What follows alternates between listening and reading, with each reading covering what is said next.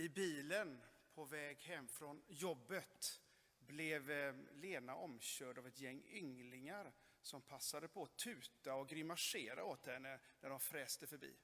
Hon bara suckade. Den gångna veckan på jobbet hade varit fruktansvärd. Hon hade inte hunnit med att göra hälften av alla de arbetsuppgifter som hon skulle hinna med. Hon var besviken på sig själv och det var nog chefen och hennes arbetskamrater också, tänkte hon, fast ingen hade sagt något. Det hade varit den jobbigaste och stressigaste arbetsveckan hon någonsin hade varit med om.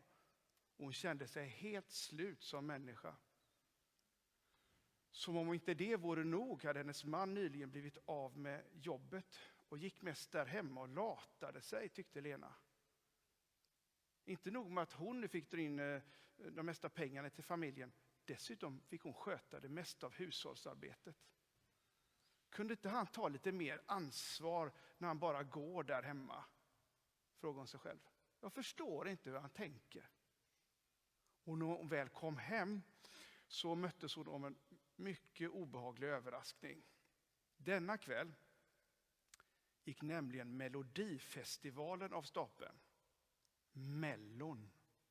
Fanns det något hon avskydde mer än det? Det värsta var att hennes man och deras två barn som var sju och tio år bara älskade Mellon. Och det var likadant varje år. Det kändes som att de bildade en pakt mot henne och att hon var chanslös. Det var bara att bänka sig framför den här eländiga tvn. Det ska bli jätteroligt. Jätteroligt att se på Mellon, mamma, sa den yngsta dottern. Och Lena kunde inte annat än att svara med en vit lögn. Ja, jo, det, visst, det ska ju bli jättekul med Melodifestivalen i år. Verkligen. Lena hon såg på sin familj som nu satt som klistrade framför tvn. Helt exalterad och fånigt lycklig över att den här mellosignaturen drog igång. Och hon tänkte för sig själv, ja, men jag förstår mig inte på dem. Jag gör inte det. Det är min man och det är mina barn. Men det hjälper inte. Just idag känner jag att jag inte riktigt förstår mig på dem. Ja, hörde vi om Lena som inte förstod sig på sin egen familj.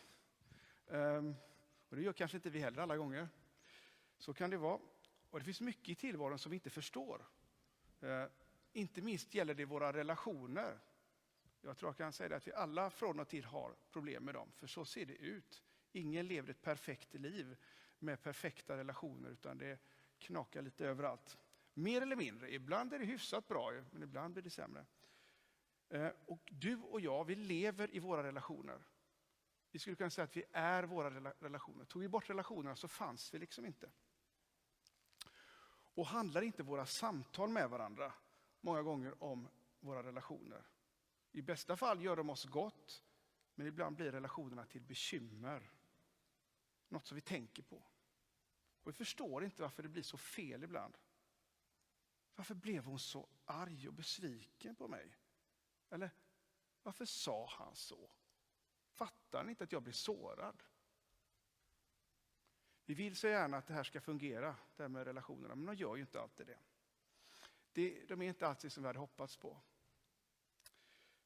Och Detsamma gäller ju faktiskt vädret på sätt och vis. Det går inte att beställa rätt väder inte. Vi hade ju personalsamling med pilgrimsvandring förra veckan. Det störtregnade hela vägen.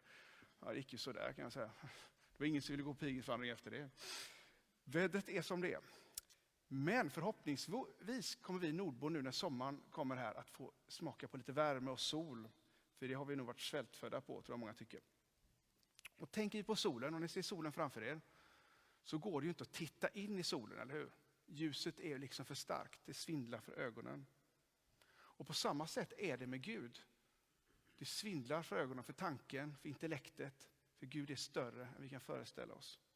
Eller som vi hörde från Romarbrevet förut, vilket djup av rikedom, vishet och kunskap hos Gud. Aldrig kan någon utforska hans beslut eller spåra hans vägar. Gud är alltså större och gåtfullare än vad du och jag någonsin kan tänka oss. Det går liksom inte att fånga in Gud med intellektet, med huvudet. Och eh, genom kyrkans historia så har det funnits visa och andliga kvinnor och män. Och de är helt övertygade om en sak. Det är genom kärleken som man finner Gud, först och främst faktiskt. Eh, och Jesus säger också så här att, att vi inte bara ska använda huvudet utan också främst faktiskt hjärtat när vi söker Gud. Jesus säger du ska älska Herren din Gud. Du ska älska Herren din Gud med hela ditt hjärta, med hela din själ och med hela ditt förstånd. Han säger inte att du ska tänka Gud, du ska älska Gud. Säger Jesus.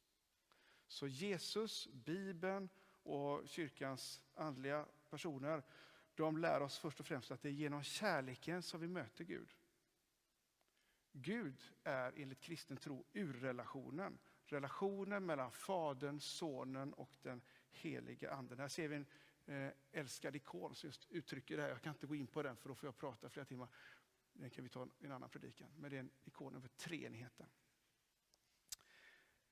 Det är den relation som kan läka våra trasiga relationer. Eller som vi sjöng i salmen förut. Med öppna tillitsfulla händer tar jag emot det liv som ges mig nu. Vi behöver därför inte förstå fullt ut vem Gud är. Förstår vi Gud fullt ut så är det nog inte Gud, något vi hittat på. För Gud är större än det vi kan förstå.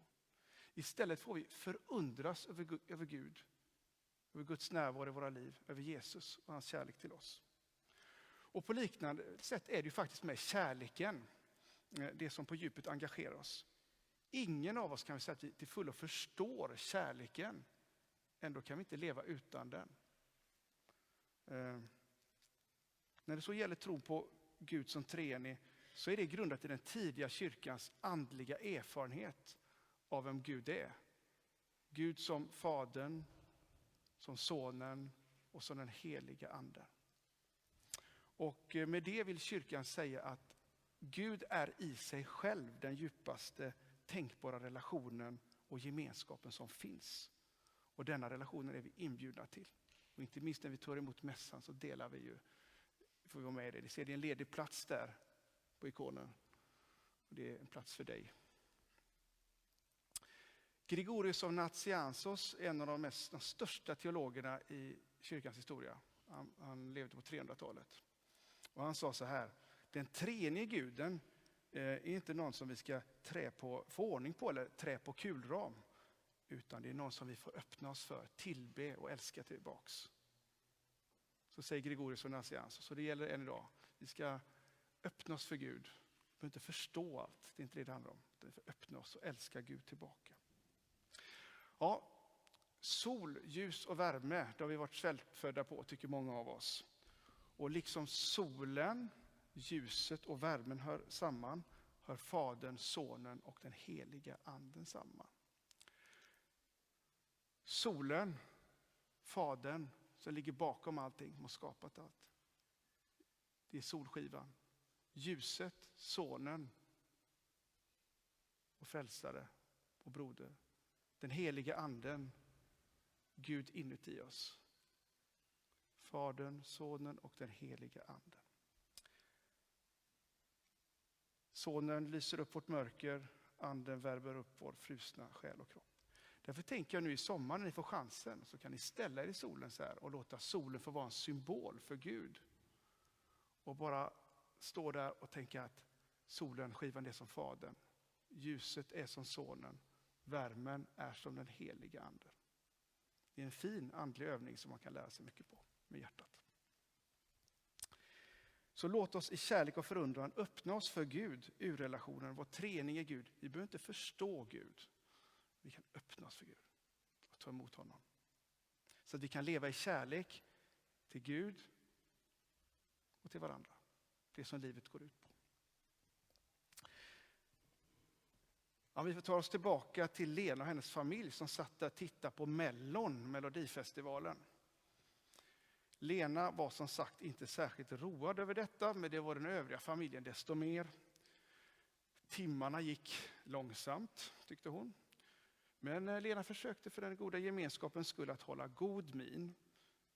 Men plötsligt, mitt under det bulgariska bidraget, märkte hon att resten av familjen hade somnat. Hon tittade på sin familj en stund. Där satt hennes man och sov med minstingen i knät. Och I fåtöljen låg den äldste, det äldsta barnet och sov raklång med öppen mun. Hon såg på dem och kände en sån värme i bröstet. Nej, hon förstod sig inte på sin egen familj alla gånger. Det gjorde hon inte. Men hon älskade dem. Det gjorde hon. Verkligen. Och relationen mellan henne och hennes make hade inte varit på topp det sista. Men när hon nu såg på sin man och sina barn så kände hon så starkt att hon trots att hon verkligen inte förstod dem, älskade dem. Det gjorde hon. Lena vaknade av att den stora gula solen lyste in genom fönstret. Hela rummet badade i solstrålar och hon kände hur skönt den värmde. Det var som om Gud var så nära. Solen, Fadern, ljuset, Sonen och värmen, den heliga Anden. Hon gjorde långsamt korstecknet över sig själv. Just då kom hennes man och hennes två barn in genom dörren. De hade en frukostbricka med sig. Och eh, minstingen höll i ett stort paket med en stor röd rosett på. Det var visst hennes födelsedag.